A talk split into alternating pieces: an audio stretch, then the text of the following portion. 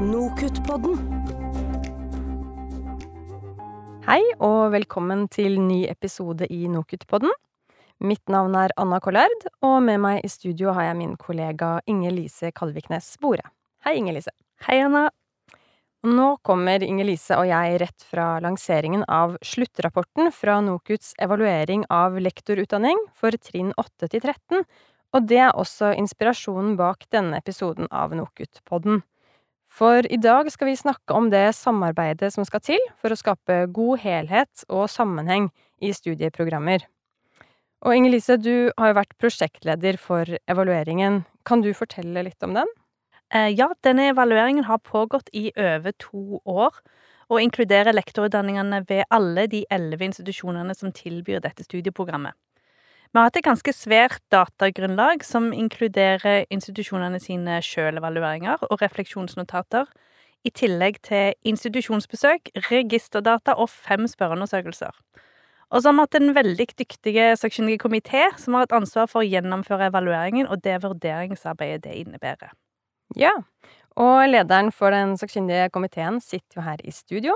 Det er Inga Ståhl Jenseth, som er førsteamanuensis i pedagogikk ved Universitetet i Oslo. Velkommen til deg, Inga. Takk. Og så har vi fått med oss en av de som har opplevd evalueringen fra den andre siden. Cecilie Torbjørnsen Mork er studieleder for lektorprogrammet ved Universitetet i Agder. Velkommen til deg også, Cecilie. Tusen takk. Veldig hyggelig å være her. Hyggelig. Og temaet er altså samarbeid for å skape helhet og sammenheng i studieprogrammer. Eh, Inga, kan du først si litt om hva dere legger i dette helhet og sammenheng i denne sammenhengen? Hva er det egentlig? Ja, det, det er jo et stort spørsmål, eh, men for å prøve å si det enkelt, så er det det jo to begrep. Og helhet Altså, lektorutdanningene er veldig komplekse utdanningsprogram. Og de skal jo utgjøre en helhet, og det handler om Det er jo på en måte funksjonen til lektorutdanninga, at eh, de skal utdanne lektorer som har den kompetansen som trengs for å kunne undervise på trinn 8 til 13. Og da må alle elementene som inngår i, i utdanninga, skape en helhet som gir dem den kompetansen. Men så må jo òg de ulike elementene da stå i en sammenheng, eller det må være en sammenheng mellom dem som gjør at eh, lektorstudentene oppfatter eh, programmet som helhetlig og sammenhengende, og som gjør at de kan på en måte se, se um, synergier mellom de ulike komponentene som inngår i utdanninga. I forskningsfeltet så ville vi snakke om det her som koherens, så det er et annet begrep som er mye brukt eh, på feltet. Cecilie, det høres jo egentlig opplagt ut at et studieprogram skal ha god helhet og sammenheng, men kan ikke du si litt om hvorfor det er vanskelig i lektorutdanningene? Ja, lektorprogrammet eller lektorutdanninga, den er veldig kompleks. Eh, det er utrolig mange aktører som skal involveres og samarbeide. Og det kreves derfor koordinering på flere nivå, god informasjonsflyt og et tett samarbeid i alle ledd. Eh, og det er som sagt veldig mange aktører involvert med ulike ansvarsområder. På UiA for eksempel så er lektorutdanninga matriseorganisert, og det er den jo flere andre steder òg. Eh, og for eh, lektorutdanninga på UiA så vil det si at våre fagmiljø er spredt på fem fakultet, og igjen da på syv institutt. Så vi har for eksempel 160 faglærere som bidrar inn i programmet, og det er 490 praksislærere involvert. Og det er veldig mange mennesker som alle tenker at det er viktig eh, å bidra, men, eh, men, det kreves en innsats og et samarbeid. Samtidig så tror jeg nok at UiA faktisk har en størrelse som gjør at eh, matriseorganiseringen av lærerutdanningene kan gjennomføres mer eller mindre konsekvent, da. Og at det er mulig å utvikle og drifte lærerutdanningene i samarbeid med fakultetene, nettopp fordi at eh, det er såpass oversiktlig. Eh, og så har lærerutdanningene da et eget styre og en egen ledelse for hver lærerutdanning. Eh, og det bidrar nok òg til at lærerutdanningene framstår som en egen enhet i organisasjonen. Eh, antall lærerstudenter utgjør en betydelig del av UiAs studentmasse, og vi vet òg at lærerstudentene de bidrar veldig positivt inn i studentmiljøet. Så er det sånn, jeg bare tenker å si litt om det med sambruk, for det er på en måte litt sånn nøkkelbegrep. Våre lektorstudenter de tar samme emne i disiplinfag som studenter som ikke skal bli lærere. Og på noen emner så utgjør lektorstudentene en liten andel av totalen, mens på andre emner så er de en større andel, det, så det varierer veldig. Og da er det noe med at faglærerne er bevisste på at det faktisk er lektorstudenter i gruppa. Eh, og vi har på en måte kommet til at det går an å gjøre en del tiltak som ikke er så store, men som faktisk betyr mye for studentene, for eksempel det å sette lektorstudenter sammen ved gruppearbeid og så. Og det har vi fått tilbakemeldinger fra tillitsvalgte studenter at det setter de veldig pris på når faglærerne faktisk er bevisste på det. Og så må jeg også bare si noe i forhold til samarbeidet med praksisfelt og campus, for det er òg veldig viktig for å skape helhet og sammenheng i et integrert profesjonsstudium. Eh, og praksisfeltet de gir uttrykk for at eh, samarbeidet med UiA og praksisskolene fungerer veldig godt. Eh, og studentene òg gir stort sett inntrykk uttrykk for at de opplever at det er sammenheng mellom teoriundervisninga på campus og praksis. Men igjen, da, så kreves det noen sånne faste strukturer eh, i form av faste møter, fagdager, arrangementer osv. som inngår i planer og årshjul, og som ligger der som faste systemer.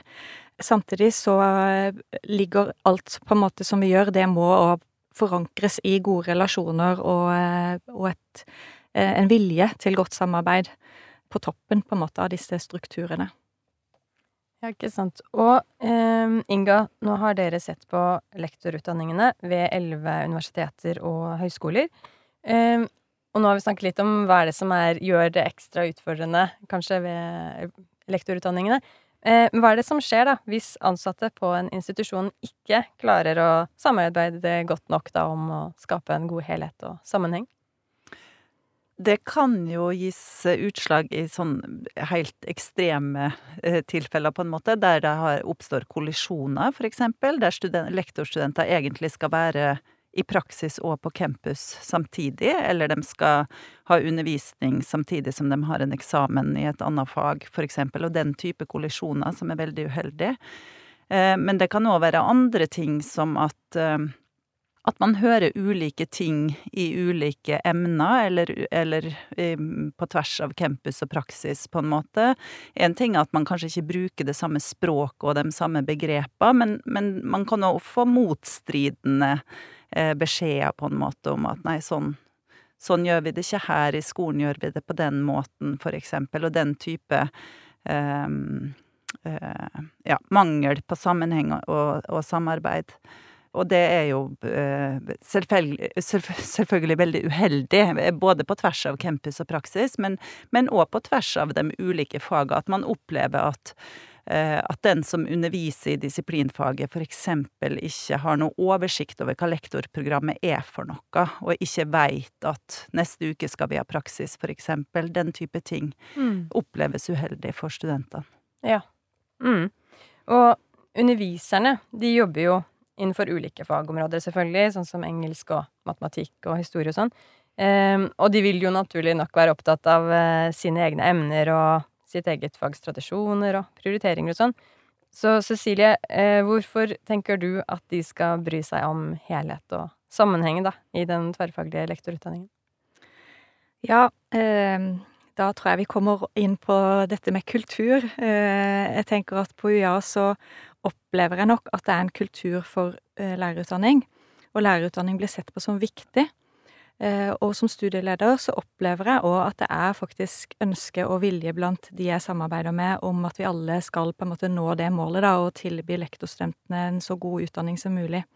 Og det er noe som har bygd seg oppover år. Så det, det, det er ikke min fortjeneste. Det er virkelig noe som har lagt der over år, og som det handler om å vedlikeholde, egentlig. Eh, og jeg tror det handler mye om å legge, da, som jeg nevnte i stad, noen sånne solide strukturer til grunn etablere og opprettholde faste arenaer som er forpliktende. Eh, møteplasser som faglærere, eh, faglærermøter, programgruppemøter, eh, faste møter med instituttledere, studieråd osv.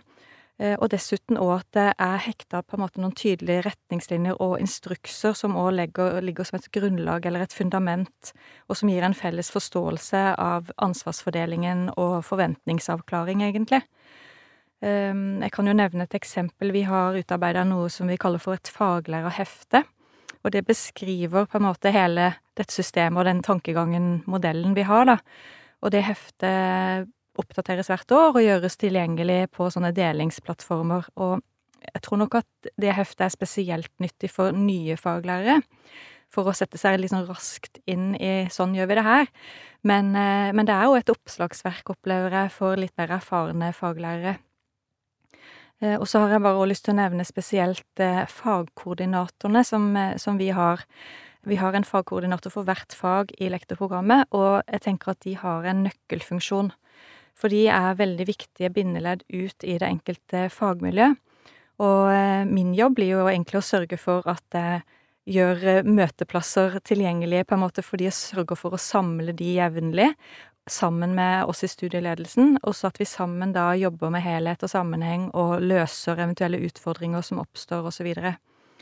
Så jeg tenker at vi kanskje kan se for oss at kulturen legger seg oppå strukturen, eh, og at den entusiasmen og engasjementet som noen da viser, har på en måte smitta litt over på de andre, og så lar en seg engasjere til å bli dedikert lærerutdanner eh, i et fellesskap, da. Eh, og får òg tilbakemeldinger på at faglærere setter pris på møteplasser hvor de treffer lærerutdannere på tvers av fag, da, og de får mulighet til å samarbeide og dele og erfaringsutveksle med kollegaer som driver med lærerutdanning, men i andre fag. Eh, og så skjer det ofte at faglærere fortsetter egentlig å videreutvikle samarbeidet på egen hånd, men at sånne møteplasser fungerer som igangsetter. Eh, og det er jo viktig for nye faglærere, tenker jeg, at vi har, har disse faste arenaene, sånn at de kjenner at de inngår da i et kollegium. Og så vil jeg òg bare skryte litt av faglærerne våre, som er veldig bevisste på at studentene òg faktisk skal oppleve helhet og sammenheng, og tenker en mye på, vet jeg, at eh, når de skal ut i skolen, så skal de samarbeide med kollegaer som Og da er det fint at de har opplevd at det samme gjøres på universitetet, da, i utdanninga deres. Mm. I evalueringen så har vi hatt um, spørreundersøkelse blant eh, lektorstudentene, og Inga, når dere var på institusjonsbesøk, så møtte dere jo òg mange lektorstudenter. Kan du si litt om hvordan de opplever helhet og sammenheng i studieprogrammet sitt? Ja, vi, vi, ser jo at her er det store variasjoner, så det, det, det er vanskelig å si noe sånn å oppsummere på tvers. Eh, Oppsummeringa er vel egentlig at det varierer, og at noen program eh, får godt eller bedre til enn andre å, og skape helhet og sammenheng. Eh, og det vi ser, er jo at eh, eh noen eh, studenter opplever litt sånn at de faller mellom alle stoler, mens, mens andre opplever at de har et mer helhetlig Eh, studieløp og, og, ser at ulike elementer i, i studiet bygger opp om eh, hverandre. Um, og noen studenter opplever at, um, at, ulike emner og fag uh, bygger på hverandre, heller at de opplever at ting gjentas, og, og, de hører det samme på nytt og på nytt, at det mer blir en repetisjon, for eksempel. Uh, det er stor variasjon i, i om de opplever at underviserne deres er Som vi var inne på i stad, at, at de tar hensyn til at det er lektorstudenter i salen, eksempel, når de får undervisning i, i disiplinfaga sine, videre. Um, og, og om de opplever at underviserne deres kanskje tar i bruk undervisningsmetoder som, som modellerer relevante undervisningsmetoder fra skolen, tar i bruk tar i bruk artefakter fra praksis for å liksom praksisrelatere undervisninga, for eksempel. Den type ting. Så her, her um, er det store variasjoner, og vi anbefaler jo alle institusjonene å gå inn og se nærmere sjøl på hvor er, det, hvor er det skoen trykker for oss, og hvor er det vi har et uh, utviklingspotensial akkurat knytta til disse spørsmåla her. Uh, for, for, jeg tenker jo òg at en del av spørsmåla vi har i spørreundersøkelsen, løfter jo fram eh, veldig konkrete element som òg kan være til hjelp for institusjonene til å vite hvordan de skal jobbe videre med disse tingene her. Ja, og apropos, du nevnte kultur. Hva er det dere har sett i evalueringen, Inga? Hva er det som skal til? Altså, hvordan får man eh, de ulike underviserne til å samarbeide på en sånn god måte?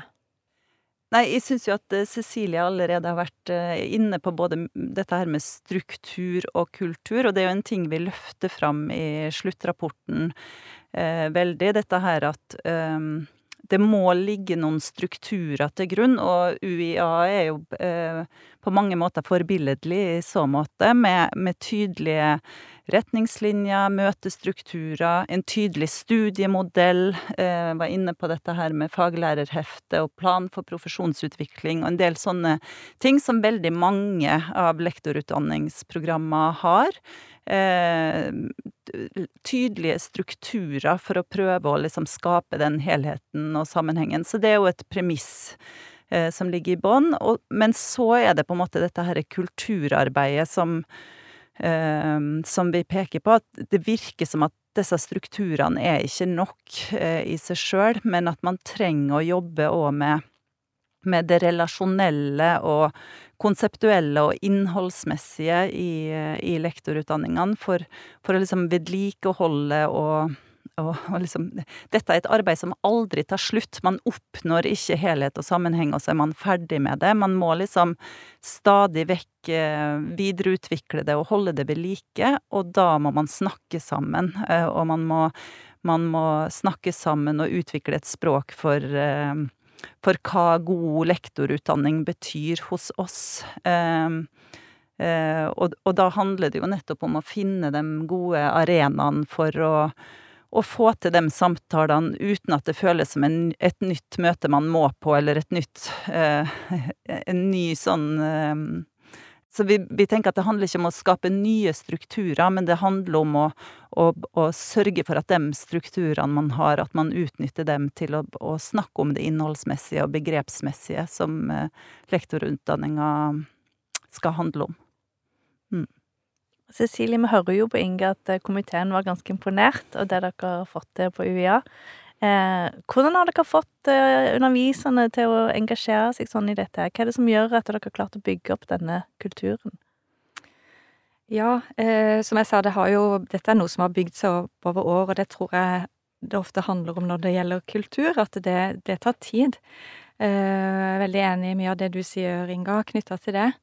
Eh, men vi tenker nok kanskje at en styrke for eh, lektorutdanninga på UiA, det er at vi har en egen studieledelse som favner hele programmet. Eh, det er jo på en måte et strukturelt grep, det, da, men, men studieleder har et klart mandat og det overordna ansvaret for helhet og sammenheng. Og så er det òg da sånn at når en eventuelt gjør tiltak eller utvikler programmet videre, så favner det alle lektorstudenter uansett fag. Og så er det jo dette her som vi har vært inne på, da, med å legge til rette for samarbeid mellom alle aktører og møteplasser og deling på tvers av fagmiljø og praksisfelt. Og sørge på en måte for å involvere de som er tettest på studentene. Eh, og så vet vi jo da at dette med gode relasjoner er viktig, og eh, men det er ikke overlatt til tilfeldighetene at eh, aktørene bare skal finne sammen for å samarbeide. Det må på en måte ligge noen sånne formelle system til grunn, da. Eh, for at de gode relasjonene faktisk skal oppstå. Eh, så i en sånn kompleks organisasjon som universitetet er, og som òg lektorutdanninga er, så er det viktig faktisk å da med en sånn tydelig rolle- og ansvarsfordeling. Eh, men samtidig denne gjensidige tilliten som en må jobbe for at skal oppstå, da. Og det er jo da vi tenker at det å ha en felles studieledelse kan bidra veldig til det. Eh, hvis jeg skal si noen eksempler, da, så eh, har eh, studentene våre to veldig sånn definerte FoU-oppgaver i studieløpet sitt, og det tredje, tredje året så er FoU-oppgaven knytta til et tverrfaglig tema, og på fjerde året er det oppgaven knytta mer til et selvvalgt tema fra praksisperioden. Og da deltar òg praksislærer i veiledning. Men fagdidaktikk og pedagogikk samarbeider da om veiledning og vurdering av FoU-arbeidet. Og i det så ligger det et sånt fast samarbeidspunkt i modellen. Så da blir de på en måte nødt til å samarbeide på tvers, og så ser vi at i mange tilfeller så genererer et sånt punkt da videre samarbeid. Eh, en annen ting som vi tenker er veldig viktig, det er at eh, det å ta tak i evalueringer, eh, at en tar de på alvor og følger opp, at en ser etter forbedringer og jobber systematisk på en måte på bakgrunn av det en har sett. Men der òg at en da involverer aktørene, sånn at alle får et eierforhold til hva en nå skal ta tak i eventuelt, da. Og at vi oppretter et felles mål. Og så kreves det da at noen driver de prosessene, og da ligger det ansvaret på studieledelsen. For eksempel så har profesjonsfaglig digital kompetanse vært en gjenganger hos oss. At det, det ser vi i evalueringene, at det sier studentene, det vil de gjerne ha enda mer kompetanse i. Og da er det noe med å forankre den viljen til å gjøre noe med det i å vise på en måte at dette sier evalueringene. Er vi enige om at dette må vi jobbe med? Ja, ok, hva gjør vi? Og så fyller vi det på en måte med innhold. Hvordan, hvordan skal vi forbedre dette?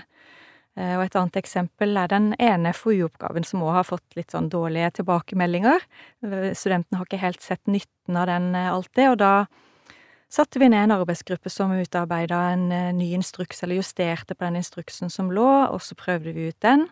Fremdeles er vi ikke helt fornøyd, så nå tester vi ut en pilot til våren med noen studenter for å se om kanskje vi kan klare å finne en vri på den FoU-oppgaven, sånn at den fungerer hensiktsmessig, at studentene opplever det sånn. Og så tror jeg jeg må si noe om praksis, og samarbeidet med praksis. På UiA så har vi over flere år hatt et veldig tett samarbeid med kun noen få skoler. Så vi har bare elleve partnerskoler på ungdomstrinnet og elleve på de videregående skolene. Og vi er veldig sånn bevisst på at det, det samarbeidet skal ikke bare handle om informasjonsutveksling, men det skal faktisk være et samarbeid som angår læringsutbytte til studentene. Men igjen så handler det om å ha faste arenaer og møteplasser og sørge for at aktørene møtes, og så fylle det på en måte med et innhold som handler om utvikling, da. Ja, så det høres ut som det er ikke bare møteplassene um, dere har, men at dere passer på å fylle det med veldig konkrete oppdrag som folk kan samarbeide om, og dermed um, bygge bedre samarbeidsforhold. Ja, jeg tenker det, og at det innholdet igjen, at en da forankrer det ved å kunne på en måte vise til eksempel evalueringer. Sånn at vi, vi samles om et, et mål eller et delmål eller noe som vi tenker at her, dette skal vi jobbe litt mer med. Men jeg tenker jo det er òg viktig å fortsette å gjøre det som fungerer godt. Så når vi, har, når vi viser evalueringer, så viser vi òg veldig tydelig fram hva dette får vi gode tilbakemeldinger på, dette fungerer bra for studentene. Da fortsetter vi å gjøre mer av det. Eh, og da må jeg òg nevne studentinvolvering, eh, for det er jo kjempeviktig at studentene sjøl involveres i, i dette samarbeidet. Og det å samarbeide da med studenttillitsvalgte og linjeforening, for eksempel, det er veldig verdifullt, og det vet studentene at vi setter pris på og ønsker å ha dette tette samarbeidet. Så, så det er òg noe som har bygd seg opp over tid, tenker jeg, og som vi må bare pleie. Eh, Inga, du eh, underviser jo sjøl ved lektorutdanningen ved UiO. Um, og det har jo betydd at du kunne ikke delta i evalueringen av UiO, og på UiO kunne du ikke delta i noe av det arbeidet som var tilknytta evalueringen. Men nå er sluttrapporten ferdig, så nå kan jeg spørre deg. Um, hva ser dere på UiO? Eh, hva er, det, hva er det dere strever med, og hvordan jobber dere med det? Ja, nei, jeg, jeg, tror jo vi strever med veldig mange av de samme tingene som alle andre gjør. Og så tror jeg vi jobber eh, ganske likt med mye av det som Cecilie forteller fra UiA. Um, hvis jeg liksom skal ikke, Hvis jeg skal snakke sånn helt fra mitt eget ståsted liksom, For det, det, er jo mange hos oss som jobber liksom med det femårige løpet og, og helhet og sammenheng i det femårige løpet og samarbeid med, med de andre instituttene og så videre. Men, eh, men min Ved UiO så har vi jo eh, lektorutdanninga plassert på Institutt for, for lærerutdanning og skoleforskning, der jeg jobber. Så, og, og, der er jo òg profesjonsfaget plassert, så vi har både pedagoger og fagdidaktikere som, som jobber der. Og det vi har jobba veldig mye med, er jo at vi for ti år sia uh, utarbeida en ny studiemodell som som var veldig Som var designa for å skape helhet og sammenheng i profesjonsfaget. Eh, så det har jo vært en sånn veldig stor og viktig jobb som vi har jobba veldig, veldig mye med, og ulike strukturer for å sørge for at studentene skulle på en måte se sammenhenger mellom den undervisninga som skjer i forelesninger og pedagogikkseminar og fagdidaktikkseminar, og knytta til oppgaver ute i praksis, og, og prøvde å bruke oppgaver òg som en sånn Som en måte å knytte praksis og campus sammen på. Så, så vi har gjort veldig mye arbeid eh, med det.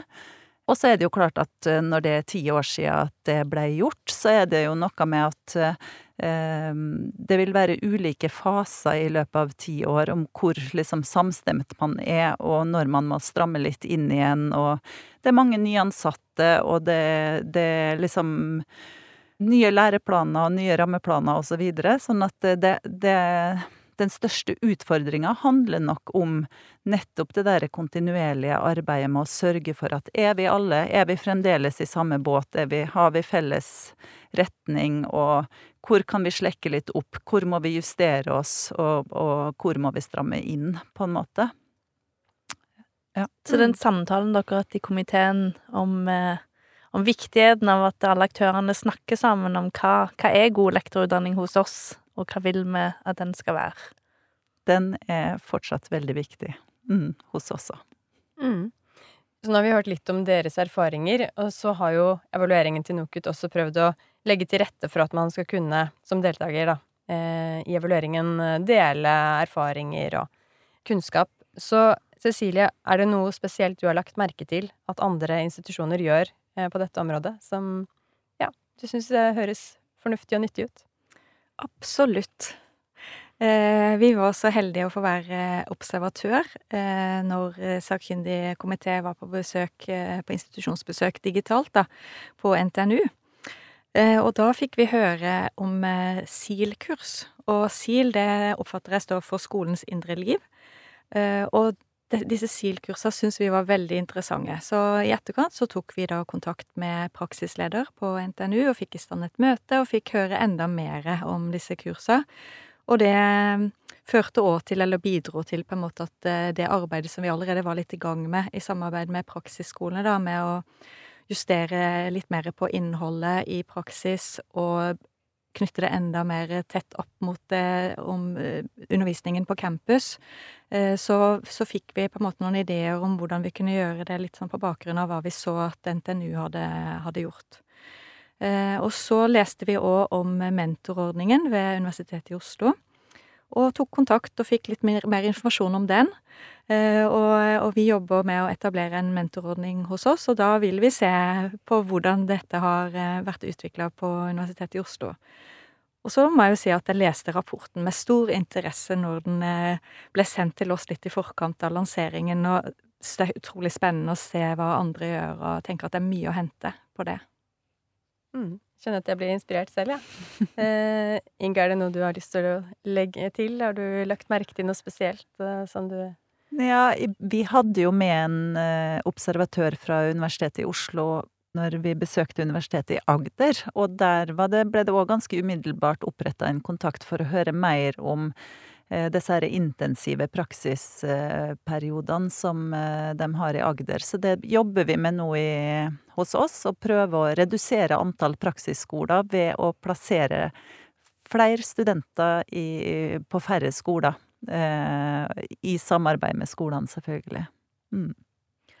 Inge, det kan jo godt være at det er lyttere nå som ikke jobber med lektorutdanning, men som jobber med andre typer utdanning, og kanskje underviser et emne i en tverrfaglig utdanning. Hvis du kunne komme med én oppfordring til de, hva, hva ville det være?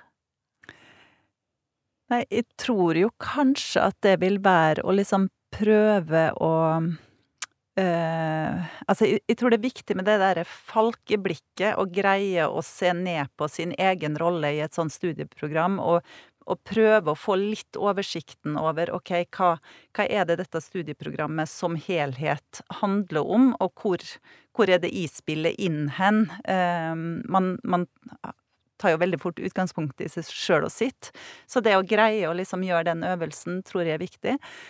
Også snakke sammen eh, med de andre som har andre roller i det samme programmet, tenker jeg. Mm. Hva med deg, Cecilie? Har du noen tips? Ja, eh, jeg tenker nok ganske likt. Eh, jeg tenker at eh, finn og etabler møteplasser, sånn at dere kan treffes jevnlig og samarbeide og diskutere og dele. Og vær nysgjerrig på hvordan det undervises i andre fag. Hva slags studentaktiv undervisning som gjøres, hva slags vurderingsprosesser som benyttes, og innholdet. At dere muligens kan samarbeide noe tverrfaglig om innholdet. Mm. Det å være nysgjerrig er jo alltid bra, tenker jeg. Ehm, det var alt som vi eh, fikk tid til å snakke om denne gangen. Og hvis noen har lyst til å høre mer om undervisersamarbeid, så kan dere lytte til NOKUT-poddens aller første episode. Den heter Den vanskelige samtalen. Og nå gjenstår det bare å si tusen takk til gjestene våre, Inga Ståhl Jenseth og Cecilie Torbjørnsen Mork, og til dere som har fulgt oss den siste halvtimen. På gjenhør. NOKUT-podden.